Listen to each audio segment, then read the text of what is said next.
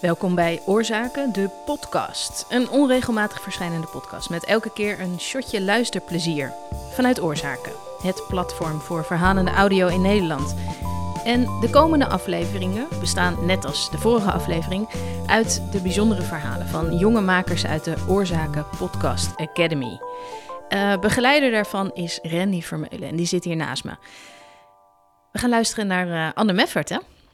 Klopt, ja. Wie is Anne Meffert? Nou, Anne is een theatermaker. Ze heeft gestudeerd aan de Toneelacademie in Maastricht. En zij is nu heel enthousiast over audio, dus daarom is ze deze workshop gaan doen. Hetgene wat ik heel erg aan haar bewonder, is ze doet er alles aan om het beste te maken. Dus ook het proces van het werk aan deze eindopdracht, waar we naar gaan luisteren, was best wel pittig. Omdat elke dag kreeg ik een mail met nieuwe ideeën, nieuwe manieren om iets aan te pakken. En dan reageerde ik de volgende dag en dan waren die ideeën compleet weer veranderd. En dat is hetgene wat heel erg leuk is aan Anne. Ze heeft superveel ideeën en ze blijft aan iets schaven totdat het helemaal is wat ze wil vertellen. Dus op het moment dat we dit opnemen is haar eindopdracht ook nog niet af. en, uh... Maar wat jullie zo gaan luisteren is wel af. ja, klopt.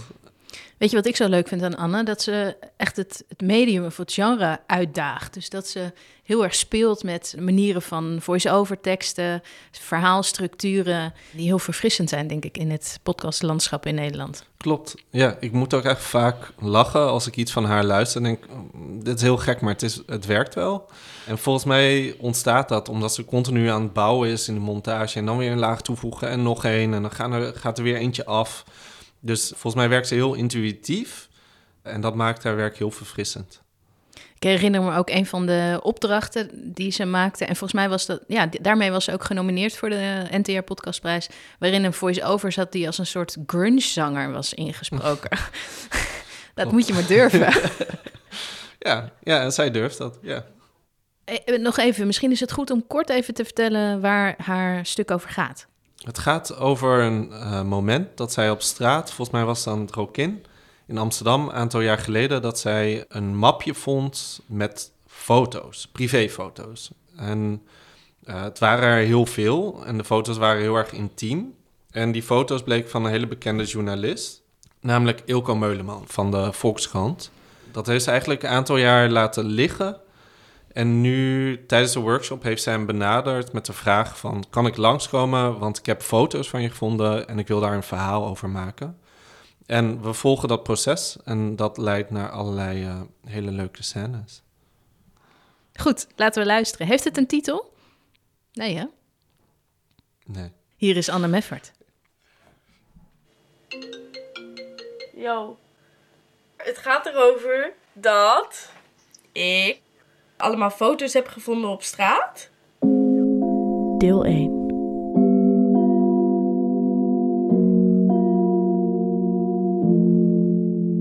zijn misschien wel 150 foto's.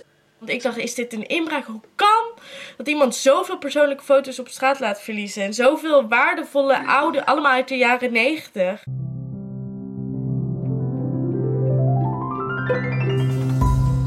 Het is 2017 ik wandel met mijn ouders en mijn zusjes door Amsterdam. We doen een uitje. We zijn uit Brabant komen gereden met de auto om familie te zien, door de stad te wandelen en te smeken om naar cafeetjes te gaan. Ik denk dat we over de Haarlemmerdijk lopen, een gezellige winkelstraat. En opeens zie ik een forse stapel met foto's op de stoep liggen. Wat ik net vertelde is mijn poging de meest waarschijnlijke versie van de werkelijkheid met jullie te delen. Ik weet eigenlijk helemaal niet precies meer wat er is gebeurd. Wat ik wel weet is dat ik dit heb gedacht. Leuk, daar, daar ga ik een collage van maken. Drie jaar lang heb ik er helemaal niets mee gedaan. En ruim twee jaar geleden maakte ik de tas met foto's open en begon ik de foto's uit elkaar te trekken. Door de regen waren ze aan elkaar vastgekleefd lagen overal verspreid in mijn appartementje. Oké, hoe zou ik hier nou een mooie collage van kunnen maken? Ik keek naar de foto's en het viel me op dat ik één man heel vaak terug zag komen. Een vrolijke, knappe man met kort haar. En dan zie ik een foto waar hij op een VPRO-congres staat met een keycord. Op dat keycord staat zijn naam.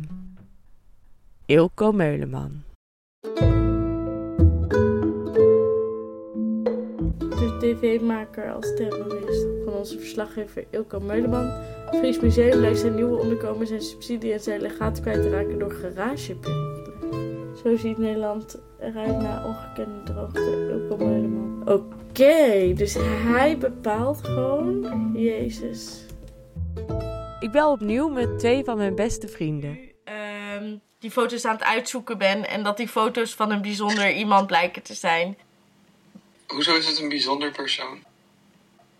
Omdat ik het heel leuk vind om aan mensen dit verhaal te vertellen. Ja, niet dat iedereen meteen weet. Oh, Anne heeft de foto's van. Cornald Maas staat er ook op. echt waar? Heel lang. Cornald Maas is van. eh, hij doet Songfestival.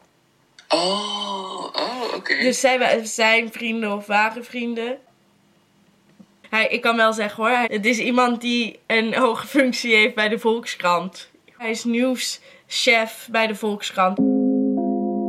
Dus hij bepaalt welke nieuwsdingen, dus zeg maar nieuws van de dag, erin komt. Wat voor foto's zijn het? Eh, heel veel, ja, heel veel privéfoto's met heel veel mannen ook wel. En je Ja. ziet hem gewoon op jachten in Frankrijk. Je ziet hem in New York, in San Francisco. Je ziet Ja. naakte billen bij een cactus. Je ziet blote tieten van vrouwen.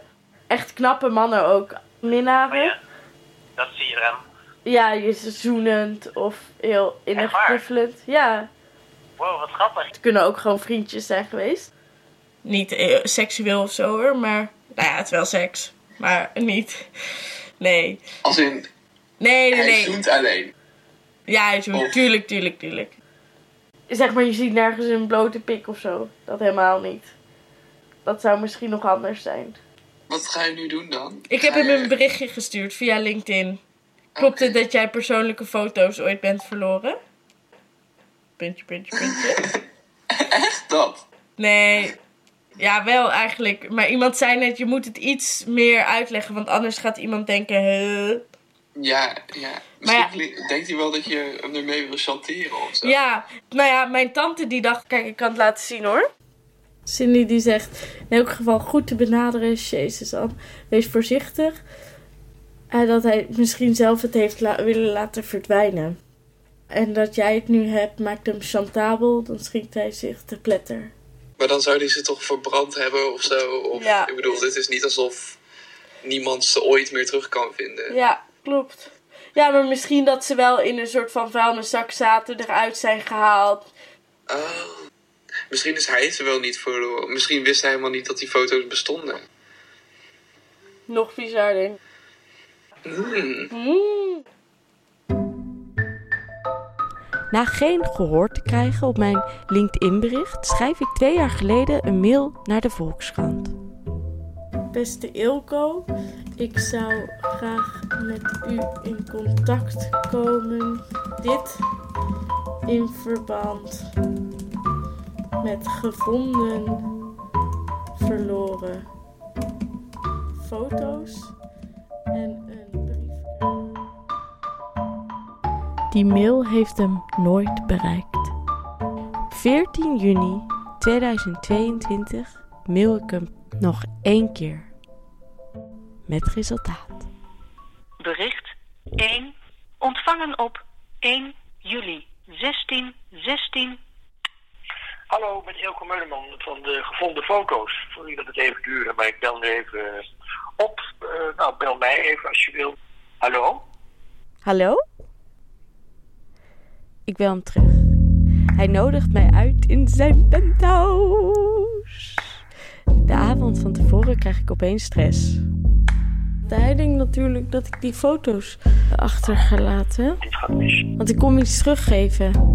Toen dacht ik, shit, ik heb al die foto's nog helemaal niet echt bestudeerd. Maar nog niet systematisch uitgezocht. En toen dacht ik, oké, maar Anne, je was dus eigenlijk al die tijd... Hoe geïnteresseerd was je nou in deze man? Is Ilke Meuleman een interessante man? Dat ga ik morgen aan hem zelf vragen. En nu zit ik in de trein naar Amsterdam Centraal en zit ik, eh, ben ik naast een man en een vrouw gaan zitten en zie ik de story liggen. Waarom kan het zo fijn zijn om in het privéleven te duiken van min of meer bekende mensen? Het was echt een, eh, een opwelling van ik wil gewoon iets in de trein even lezen. En ik heb gekozen voor de story omdat mijn schoonzus echt leuk vindt. Dat ik straks gewoon even aan mijn schoonzus kan geven, want die vindt het leuk. Maar eh, in de verhalen zelf ben ik niet eh, geïnteresseerd. Ik heb even de plaatjes bekeken, dat vind ik dan wel leuk. Maar ik begrijp best wel dat dat niet echt is, dat het echt geposeerd is. Dus nee, ik ben niet echt eh, geïnteresseerd in het leven van die mensen. Ik vind het dus hun recht voor dat privé te houden in plaats van Hij zei meteen aan de telefoon: Oh, leuk, dan kan je mijn penthouse zien. Maar ik dacht: Jij kent mij niet. Zeg maar vreemd toch dat jij het leuk vindt om een vreemde persoon je penthouse te laten zien. Op de 18e verdieping, daar kom ik niet makkelijk weg. Of, of kunnen vliegen, maar dat... Jullie weten waar ik ben, hè? Jullie kunnen me redden. Nee, ik weet niks. Aan de achterkant van het CS neem je het pontje naar Buiksleutelberg. Na de pont links het bruggetje naar Eye-Over. En dan meteen naar rechts. De lift naar de 18e etage gaan.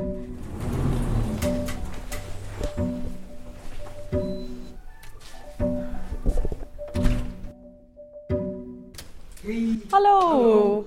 Welkom. Kan je Dankjewel. het makkelijk vinden? Ja, met jouw beschrijving wel. Nou, dit is mijn nieuwe appartement. Ja. Mooi. Ilko Meuleman. Een man die ik op 50 van de 150 foto's heb zien staan. Knappe man, kort haar, mondain leven en de nieuwschef van de Volkskrant. Iemand die verantwoordelijk is geweest voor 10 jaar aan nieuwsartikelen die ik bij mijn ontbijt tot mij nam. Ja, je moet zomaar even op het balkon gaan staan, want daar zie je het het beste. Ja. Nou ja, de Zuidas zie je daar, je ziet daar de arena. Als je langs de arena kijkt, kun je zelfs de hoge gebouwen van Utrecht zien. Is mij verteld hoor, dat heb ik niet gecheckt. Zijn huis is heel modern ingericht. Ik zie nauwelijks spullen. De meubels zijn statements. Ik kijk naar een gigantisch modern fotokunstwerk van een voorgevel van een reusachtig, aftans, flatgebouw in vermoedelijk China. En je hebt de doos van Pandora bij je. Ja, ik ben benieuwd. Ik ook. Vind jij u fijn of u? Nee, jij. Vind jij u? Vindt u jij fijn? Nee, ik vind jij fijn. Wil je ze zelf eruit halen? Ik haal ze zelf eruit, want dat is natuurlijk het spannendst. Jeetje. Oeh. Even maar eens kijken. Ja, oh jezus. Oh, die zijn allemaal aan elkaar geplakt. Dit is Los Angeles. Oh ja. Oh. oh. Dit is ook iets zeg. Zo. Nou, ik wist, dit is ook weer New York. Ik wist echt helemaal niet meer dat ik deze foto's had. Maar Amstel, dat lijkt me nou toch... Maar waar heb je, op, heb je ze op straat gevonden? Ja, op straat. Oh, nou. Ja, dat klopt. Dit, is, dit zijn allemaal foto's van onze rondreis door, eh, door Californië. Jongen, jongen, jongen. Nou, er komt wat boven, zeg, nu. Hotel New York in Las Vegas. Dat is volgens mij de Madonna Inn. Oh, dit is geweldig. Ja, dit was de Normandy Bakery. Joshua Tree Park. In Florida bedoel ik. West Hollywood, in Miami, in de Everglades, in Los Angeles. Dat was in Palm Springs. Ja. Daar hadden we een hotel, zo'n gay hotel met mijn vriendje natuurlijk. En dat was wel eh, geestig, want dan kwamen we 's ochtends uit onze sla die slaapkamers lagen allemaal om, rondom het zwembad. En wij kwamen nogal laat uit, de- uit de slaapkamer. Dan lagen hier al twintig van die besnorde homo's eh, nieuwsgierig naar ons te kijken. Ze geloof je niet, maar dit is Umberto Tan. Kijk. Ja, de enige die ik herkende was Cornel Maas. Dat Ja, dit ben ik met Cornald ook. Heel jong. Ja, dit is, eh, dit is mijn toenmalige vriend. Marvin, ex-vriend van Geweldig. Arthur Dong, neefje Emiel. De nichtje Natasja. Nou, nou, nou. Cheert. Oh, dit is ook... Dit is jongen, jongen. Iemand die met een blote kont op een cactus zogenaamd gaat zitten. Dat is mijn vriend Jan. Een hele lugubere moordfoto. Ik zie daar een handje. Oh, wacht. Ik zie daar... zie een handje. Ik vond dat ik veel, bovenmatig veel knappe mannen zag ik. en ook een beetje zwoel. Zweem van zwoelheid. Nou, dat klopt wel. Ik had een hele zwoele zomer in New York met hele knappe mannen. Dat, dat klopt.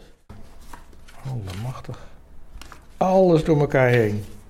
Mijn hele leven trekt zich aan me voorbij. Jongen, jongen, jongen. Nou, ik ben er stil van.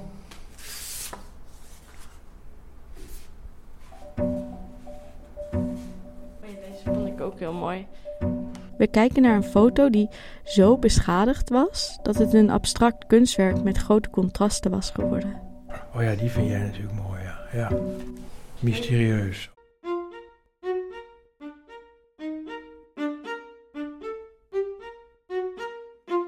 Het was ook wel voor hem ook op een, op een hele bizarre manier logisch dat hij die foto's weer terugkreeg. Toch? Dit is Cindy, mijn tante. Had je het idee Ja, dat hij er niet echt van ondersteboven was, hè? nee.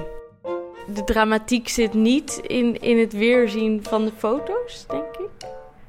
Nou, nee, daar ben ik niet heel dramatisch over. Hoewel het wel... ehm, ik vind het wel ontzettend leuk om ze weer te zien. Ik had een, ehm, een oud collega die zei: Leuk, wat is nou leuk? Leuk is eigenlijk handwarm. Eh, in het Engels dan heb je Luke, L-U-K-E, Luke. En dat betekent handwarm. Ja, maar dat is dus het probleem. Je vindt het leuk. dat is gewoon goed. Het is, het, is, het is goed, ja. Het is niet een, eh, het is niet een heel dramatische eh, wending. Nee. nee. Daarvoor zijn de foto's ook veel te vrolijk. Ja, precies. Daarvoor waren het geen primeurs. Maar Maar hoe zijn die foto's dan in hemelsnaam op straat komen te liggen? het kan best zijn dat deze foto's al veel eerder op straat zijn beland. Ja, ik durf wel zeggen dat ik ze voor het eerst sinds 1998 weer zie. Had hij de foto's gemist? Ik vind iets terug wat ik, wat, waarvan ik niet wist dat ik het überhaupt eh, had nog.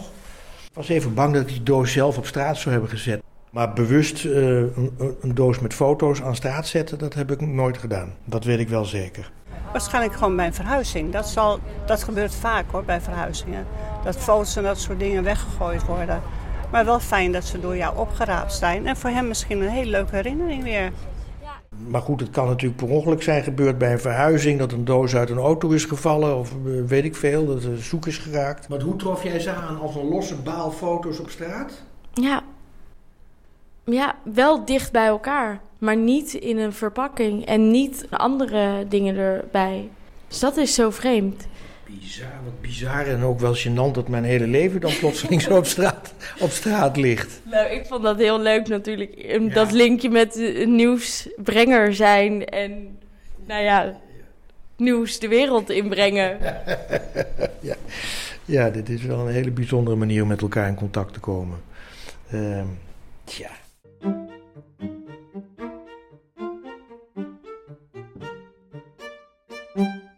Deel 2. We staan over een salontafel gebogen op Ilko's balkon. Hij heeft een collage gemaakt van zijn eigen krantenartikelen die hij aan het begin van zijn carrière geschreven heeft. Die krantenartikelen heeft hij tussen het glazen tafelblad en de zwart neprieten ondertafel gestoken. En daar kijken we nu naar. Ja, dus ben ik allemaal. Toen ik bij NRC Handelsblad werkte, toen schreef ik die halve krant vol. Ik had de primeur van het maagballonnetje. Ik had het eerste nieuwsbericht erover op de voorpagina van NRC Handelsblad. Ik ben verslaggever geweest, ik ben eindredacteur geweest, ik ben de eindredacteur van een bijlage geweest. Dus ik heb echt alles gedaan.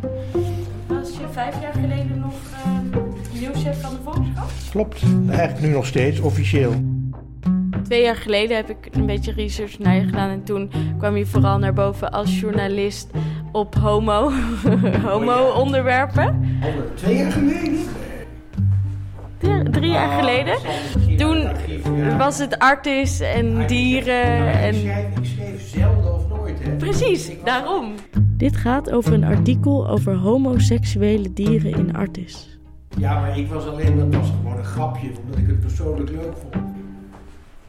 Ja, want wa- waarom is nieuws zo belangrijk? Het is toch heel raar Ja. als je bijvoorbeeld nu een boeren ziet staan op straat en je weet bij god niet waar ze mee bezig zijn. Nee, ik denk dus dat het heel goed was, want dan zou ik naar die boeren stappen en dan zou ik vragen, wat zijn jullie aan het doen? Maar nu denk ik, die boeren zijn eng, weet je wel? Ik lees zoveel enge dingen. Jij vindt dat de kranten indoctrineren. Nou, wel met een narratief mij de wereld doen leven. En ik wil soms niet altijd vanuit dat nar- narratief naar de wereld kijken. Nou, dat is een hele, hele legitieme, legitieme wens.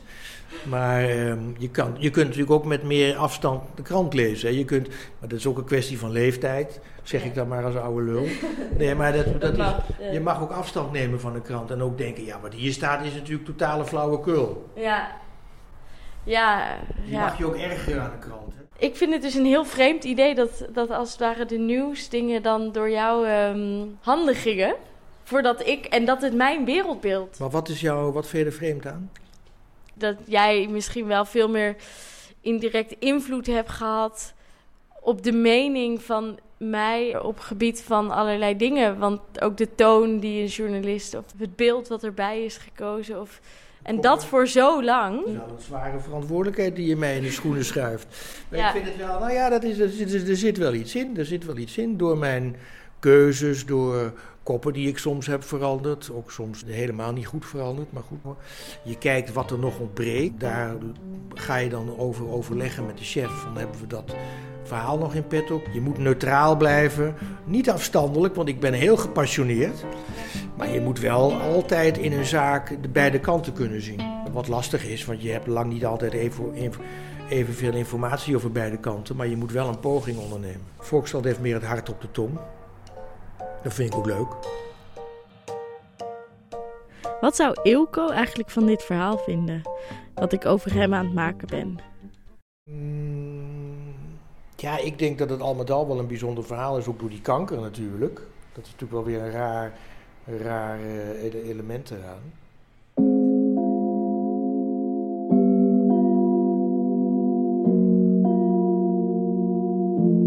Deel 3. Daar doe ik er helemaal niet eh, dramatisch over. Daar ben ik zelfs vrolijk over. Nadat ik de diagnose kreeg, was ik wel even geschokt. Maar eigenlijk tien seconden later dacht ik, nou, het is ook wel goed zo. En dat vond ik voor mezelf een beetje een rare reactie. En tegelijkertijd was echt een, een oprechte reactie. Ik voelde dat echt. 17 maanden is een overzichtelijke periode. Je kunt nog van alles doen. Ik ben mijn begrafenis gaan regelen. Je wilt afscheid nemen. Nou ja, als dan vervolgens na de eerste scan blijkt, ja, het is eigenlijk zo geslonken dat eh, het gaat, er ziet er zo goed uit.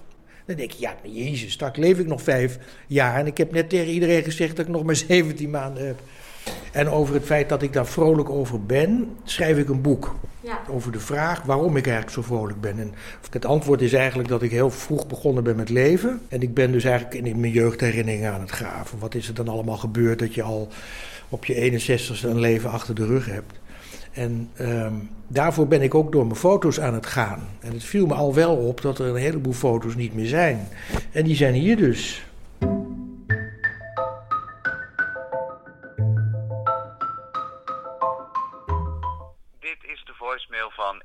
Ik ben er even niet. Spreek je bericht in na de piep. Het is een maand nadat we hebben afgesproken. Ik heb hem een lange mail gestuurd met allemaal vragen. Zoals: Wie denk jij eigenlijk dat ik ben? Het gaat niet goed, antwoordt hij. Ik lig al weken in bed met een kankergerelateerde ontsteking. Dus ik kan je voorlopig niet helpen, helaas. Het spijt me. Dag! Uitroepteken. Ilko. Ik begin vanaf dat moment zijn columns veel nauwkeuriger te lezen. Daarin lees ik eigenlijk hoe het de afgelopen tijd is gegaan. 1 augustus 2022. Ik lees dat hij met de huisarts praat over de jaren 80. Zou hij in zijn column ook iets schrijven over de gevonden foto's? Het waren de wilde jaren van de reguliers dwarsstraat in volle glorie. Het Amsterdamse straatje met een paar homokroegen en disco's werd door de gemeenschap bij de hand omgedoopt tot Rue Vaseline. We dansten op de rand van de vulkaan. Je keek steeds vaker de dood in de ogen. Zelf ben ik er vaak bang voor geweest. En één keer echt, na een lange hete zomer in New York. Dit lijkt te gaan over de periode van de foto's. Zouden de herinneringen weer extra sterk naar boven zijn gedreven door de foto's? Ik lees verder. Mijn unieke vriend Rob die kreeg het doodvonnis. Zijn grote liefde, die nog steeds mijn vriend is, die heeft mij een plek aangeboden in hun graf. En het ligt onder een, eh, een, een troostrijke boom op een prachtige begraafplaats. En ik kom daar straks dus naast Rob te liggen. Mijn huisarts die zal mij euthaniseren wanneer ik dat wil. En, en dat is wel een fijne gedachte nu, nu ik net veel te lang doodziek ben geweest van een, van een simpele ontsteking. Ik moet het zien als een, als een, ehm, als een verzekeringsclausule. Dus nee, ik ben, ik ben niet bang voor de dood. Ik, ik verheug me erop. Ilko gaat niet meer in gesprek met jou. Dat is gewoon zo en dat moet je accepteren. Dus je hebt je personage niet meer met wie je een gesprek kan voeren. Maar wat je wel kan doen, omdat je een maker bent die dingen verzint, is dit gesprek verder zelf afmaken. En je schrijft gewoon een script met hoe jij wil dat dit verhaal eindigt. En je zorgt gewoon dat iemand Ilko speelt. Ik besloot geen script te schrijven. Zo fijn dat je er bent. Ja, graag. En dat je dit wil doen. Leuk. Oké. Leuk hoor. Heb jij, ehm, heb jij nog iets nodig? Ik ga nog heel even naar zijn stem luisteren. Oké, is goed. Even kijken, dan moet ik even. Ik zou niet in een maatschappij kunnen leven zonder dat ik wist wat er aan de hand was. Zowel in binnen- als in buitenland. Ik zou niet in een maatschappij kunnen leven waar ik niet. Ja, oké. Een vergadering met alle chefs. Die... Chefs, chefs, ja. Nou, dan ehm is om half tien. Ja, oké. Ben je er klaar voor? Ja. Waar ben jij in je leven bang voor geweest? Nou, krijg ik nog een vriend op mijn zestigste? Ik, ik was altijd een beetje eh, vaag op zoek naar eh, een vaste levensgezel. En, en vaak was die er wel, maar dan zonder seks. Maar ook houd ik mijn werk wel vol tot mijn pensioen. Ik, ik, ik moest nog zeven jaar werken. En ik werkte al 42 jaar. Waarom, ehm, waarom zocht je voorheen zo onrustig naar een partner? Nou, op mijn eh, dertigste ben ik voor het eerst bij een eh, psychiater geweest met de duidelijke vraag: waarom lukt het mij niet om relaties aan te gaan? En het duurde vaak niet langer dan een jaar, hoogstens een paar jaar, en bijna altijd met iemand in het eh, buitenland. Een Amerikaan, een Spanjaard, een Duitser. En ze moesten vooral niet eh, te dichtbij komen. Al zijn sommige dierbare vrienden geworden. Eh, De Amerikaan woont nu in Zandvoort en die zie ik eh, elke woensdag. En bij de psychiater bespraken we dat ik wel een heel ongelukkige jeugd heb gehad. Of nou ja, ongelukkige.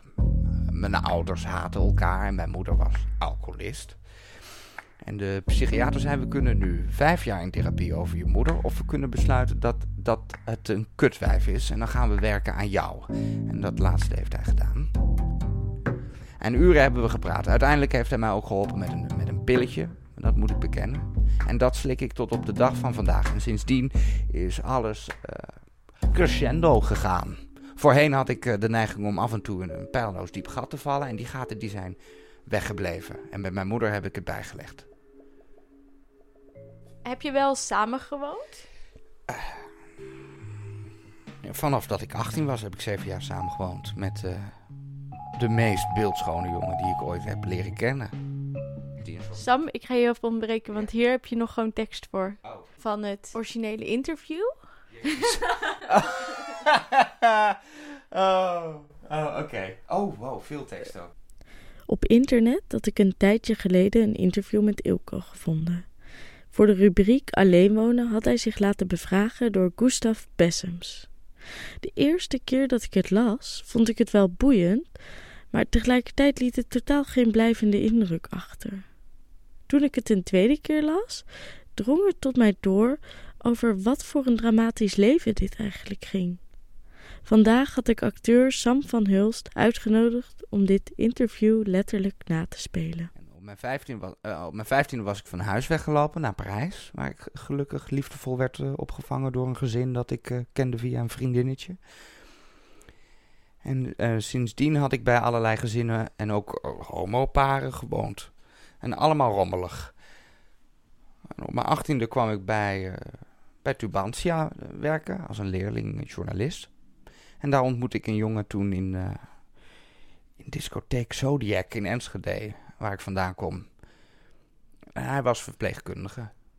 En we waren meteen verliefd. En we zijn meteen samen gaan wonen. En het was de eerste twee jaar goddelijk.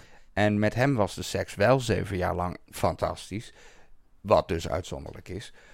Maar hij was verbaal veel minder sterk. We hadden vaak veel ruzie en dan begon hij erop los te mappen. Maar uh, is dit allemaal door hem geschreven? Ja. Ja, dit stond allemaal op de Volkskrant. Oh, ik dacht dat jij dit had geschreven. Nee.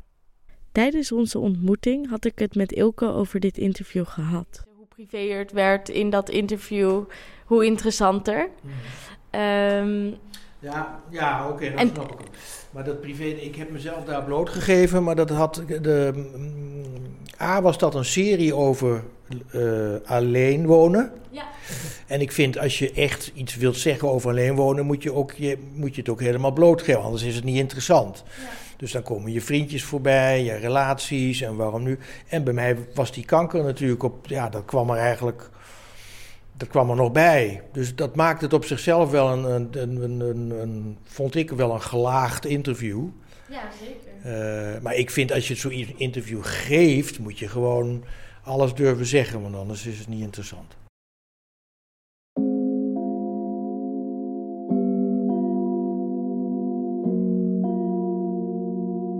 Deel 3 Je deelt best wel iets met hem. En ik snap niet, daar kan je ook heel erg op ingaan. Je deelt best wel iets met hem? Ja. Wat deel ik met hem?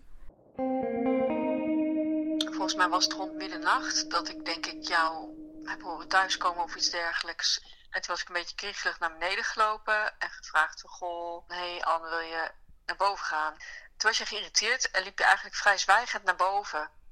Ik liep voor jou uit naar boven en volgens mij liep jij achter me aan. En toen zijn we gaan slapen. Toen stonden we op en toen zei je van hé, hey, ik ben mijn spullen kwijt. Nou ja, en toen ontrolde het zich allemaal en de pech op pech op pech. Want je had en je rugzak met je laptop uh, en alles. Maar ook de harde schijf met de backup van, de van alles wat op de laptop stond. Dat lag daar ook en alles was meegenomen. En al die, al die, uh, toen bleek de deur niet dicht te zijn gedaan, waarschijnlijk niet door jou. En toen zijn we op straat gaan kijken en mensen, buren gaan vragen. En iedereen keek zo'n beetje verbaasd, het zonnig weer. En uh, we hebben nog een vel op de, de, keukendeur geplekt, of ergens op, ik weet niet, was het op de keukendeur? Ja, ik geloof het wel, zo mochten ze nog langskomen. Of hebben we dat op de poort? Nee, nee, op de keukendeur.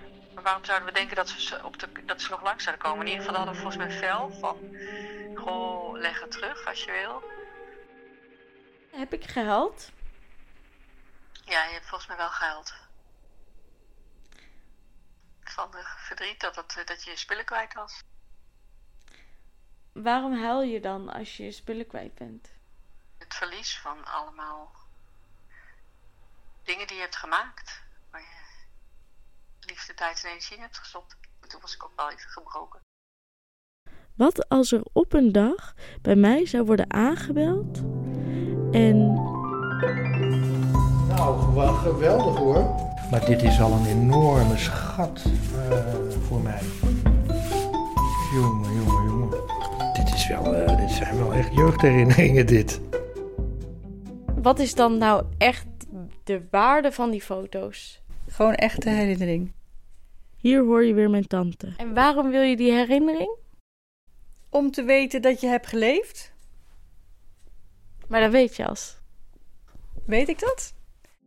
Nee, je verliest, je verliest natuurlijk heel veel. Zonder, zonder her, herhaling kan je niet, kan je niet uh, uh, gaan je herinneringen gewoon dood. Alleen als je herhaalt, kan je herinneren. Het, is iets, het is, heeft iets als de steen van Sisyphus, vind ik. Dus je bent, de, terwijl je aan het leven bent, ben je iets aan het vasthouden van je geleefde leven? Je kan ook zeggen, wat is dat waard? En daar heb je dan weer heel erg gelijk in. Dat, ja, je kan het ook allemaal vergeten. Heb je een beetje minder meegemaakt. Dat jij misschien nu en jij wil voelen alsof je een rijker leven hebt, omdat je een grotere bulk aan herinneringen met je meedraagt. Zou dat kunnen? Zou kunnen. Dat andere mensen dat minder herhalen en daardoor een armoediger leven ervaren? Ik weet niet of je het zo kan zeggen. Ik, ik denk eigenlijk niet. Vind het grappig dat ik met jou hier zit, dat jij en samen met Wilfried de meeste foto's maakt van iedereen in mijn omgeving, eigenlijk. Ja, en ik weet ook dat als eh, wij foto's van jou maakten, dat jij dan wel zei: jullie fotograferen obsessief. Nou, dat is misschien ook wel zo. Ik weet niet of jij weet hoeveel foto's je fotobibliotheek heeft. Nou, in deze fotobibliotheek zitten er 70.000. Dat is veel. 70.000 foto's en ik doe in elke foto doe ik één seconde. Dat is door 60. Ik zit even snel te denken. Dat is dan 7000 minuten. Eh, Ik doe even net alsof 70 60 60 dat is 700 uur. Nou ja, zo 24 keer 7 is... Dus dan twee maanden, 12 uur per dag foto's kijken. En dan moet je elke seconde een foto voorbij laten gaan. Holy shit. Dat is veel. heb je ook wat, hè? Ja, want hoeveel foto's zou Theodor nou van zijn leven hebben? Een Die- enorme kast En die kan ik zien. Ja, als je wil. Ik weet niet En. Johanna ook? Ja. Theodor en Johanna zijn mijn overleden opa en oma. Maar ik heb met, eh, met, mijn, met, mijn, met de dood van mijn moeder heb ik heel veel van tevoren gedocumenteerd. En zij vertelde graag en ook met foto's erbij. En het stomme is dat ook al heb je het allemaal gedocumenteerd, dan nog, het helpt je echt niet. Het helpt niet tegen het verdriet.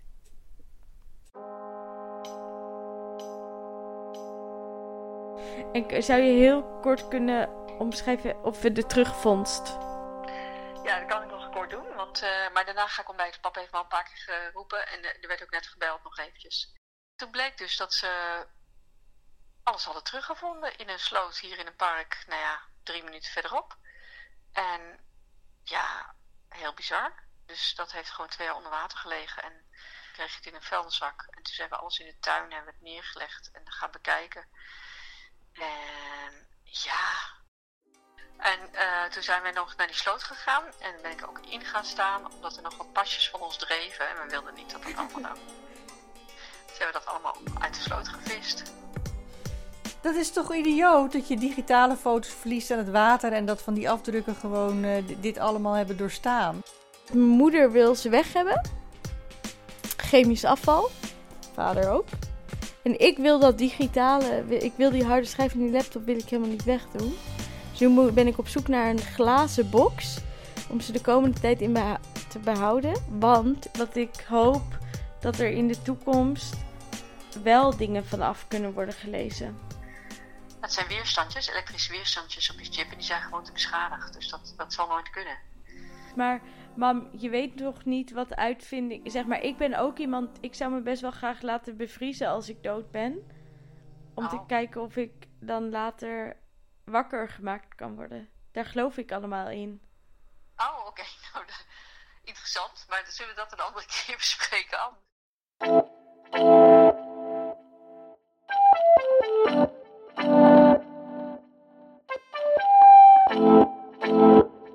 En dan nu de making of.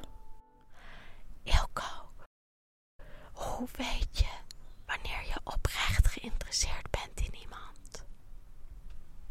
Had je gehoopt dat je, dat je hem zag en gewoon een soort instant helemaal iemand leerde kennen in een gesprek? Dit is Lieke, een vriendin.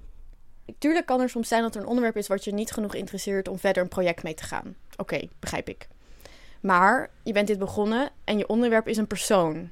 Een persoon met verhalen, met, leef, met een leven, met zoveel dingen waar je wel iets mee kan. Maar dan maak je gewoon een portret. Ja, maar dat ga ik echt niet doen. Vind je niet boeiend genoeg? Dit is Menno. Hij heeft 11.486 foto's en mist er geen één. Als ik heel erg in zijn leven duik, dan vind ik vast wel iets wat interessant is. Maar dit is, in een, man, is een man die is heel beheerst. Die kent zichzelf, die is zelfbewust. En dat vind ik allemaal niet zo interessant. Een zelfbewuste man die gewoon heel gelukkig is. Wat ik mij heel erg afvraag is waarom jij dingen interessant vindt en andere dingen niet. Dit is Rogaya. Zij heeft 12.687 foto's en mist er geen één. Ja. Waarom ben jij niet geïnteresseerd in al die mannen die we zien op de foto's? Ja. Daar ben ik zelf. En dat hij blijkbaar geen liefde heeft gekregen. Waarom, waarom Ja. interesseert jou dat niet? En waarom. Wat, wat zegt dat over jou? Überhaupt die eh homo-media mannen, om het maar even zo te noemen. Die interesseren mij mateloos. Vaker dat je dingen niet interessant, dat je mensen niet interessant vindt. Merk je dat vaak bij jezelf? Ja, heel erg. En dat is echt niet fijn. Interesseprobleem. Dat is toch echt erg? you find yourself more interesting than the other person. And it's very human, and I'm not judging it. But inevitably, you think your own dramas, your own ideas, your own problems are essentially more interesting than the other person. So if that's the that's your starting position, you're naturally going to be more absorbed in yourself. You need to switch it around and you need to tell yourself the other person is more interesting than me. Mm. Their life, their thoughts, their ideas. It's like an undiscovered world. It's like going to Tahiti or something and visiting another culture. Hmm. They have experiences you've never had. They have a world that's not your world. It's fascinating. Een interesseprobleem is eigenlijk helemaal niet om luchtig over te doen. Het verliezen van interesse in iemand. Dat is het moment waarop een relatie van 10 jaar uitgaat. Alle ruzies ontstaan uit gebrek aan interesse waarom de ander denkt zoals die denkt. Interesse is zo belangrijk om grote problemen op te kunnen lossen. Dan moet je echt willen weten hoe het zit. Ik moet denken aan het klimaat. Wanneer lezen we ooit een rapport? We praten zoveel met elkaar over grote dingen, maar we gaan niet samen zitten om even goed alle rapporten en wetenschappelijke artikelen erover te lezen. We gaan niet samen zitten om echt even de handelsafspraken tussen Congo en Nederland te lezen als we het idee hebben dat dat onrechtvaardig gaat.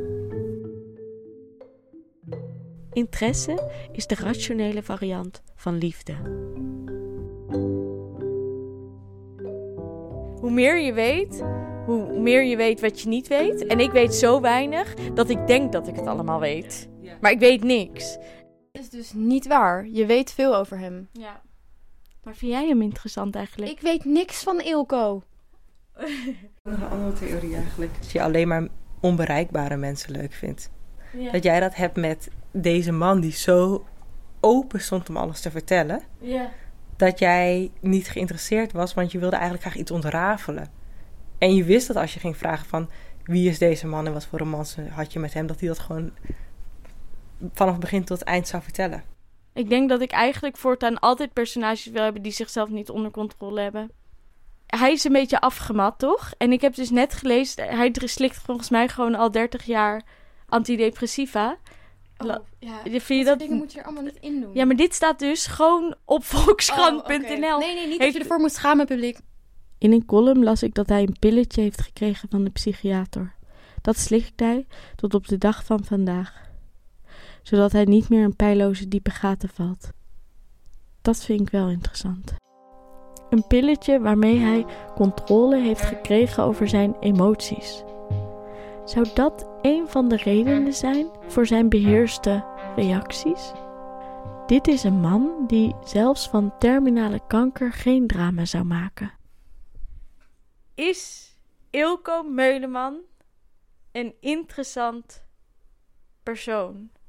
Ik vind dat je dat echt niet kan doen. Nee, ik wil het zo eindigen. Ja, je bent soms echt wel heel erg onge ja, ongenuanceerd. Maar waar doe je het dan om? Ik heb gesprekken om iemand beter te leren kennen of om dichter bij iemand te komen. Ja. Maar dan heb jij gewoon gesprekken om op te stoken of om een interessant gesprek te hebben. En dat vind ik wel ook naar. Ja, dan denk ik echt, als je zo blijkbaar denkt. Maar zo denk ik dus. Ja, maar Dat als je dat niet- dus zegt ja, wel, dan wat denk wordt jij dat heel dan? verwarrend. Ja, wat de fuck, wie ben- heb jij dan allemaal persoonlijkheden die op dat moment gaat kijken wat een interessant gesprek gaat zijn? Wat is belangrijker? Veiligheid en je goed voelen of een goed werk maken, Anne? Oh, dat weet ik. Goed werk maken altijd. Toch dat alles wat je zegt staat voor wie jij bent. Ja, maar dat vind ik nu dus een heel ongemakkelijk idee. Omdat ik alleen maar denk, ik wil jou natuurlijk alleen maar veiligheid. Ja, maar dat doe je niet.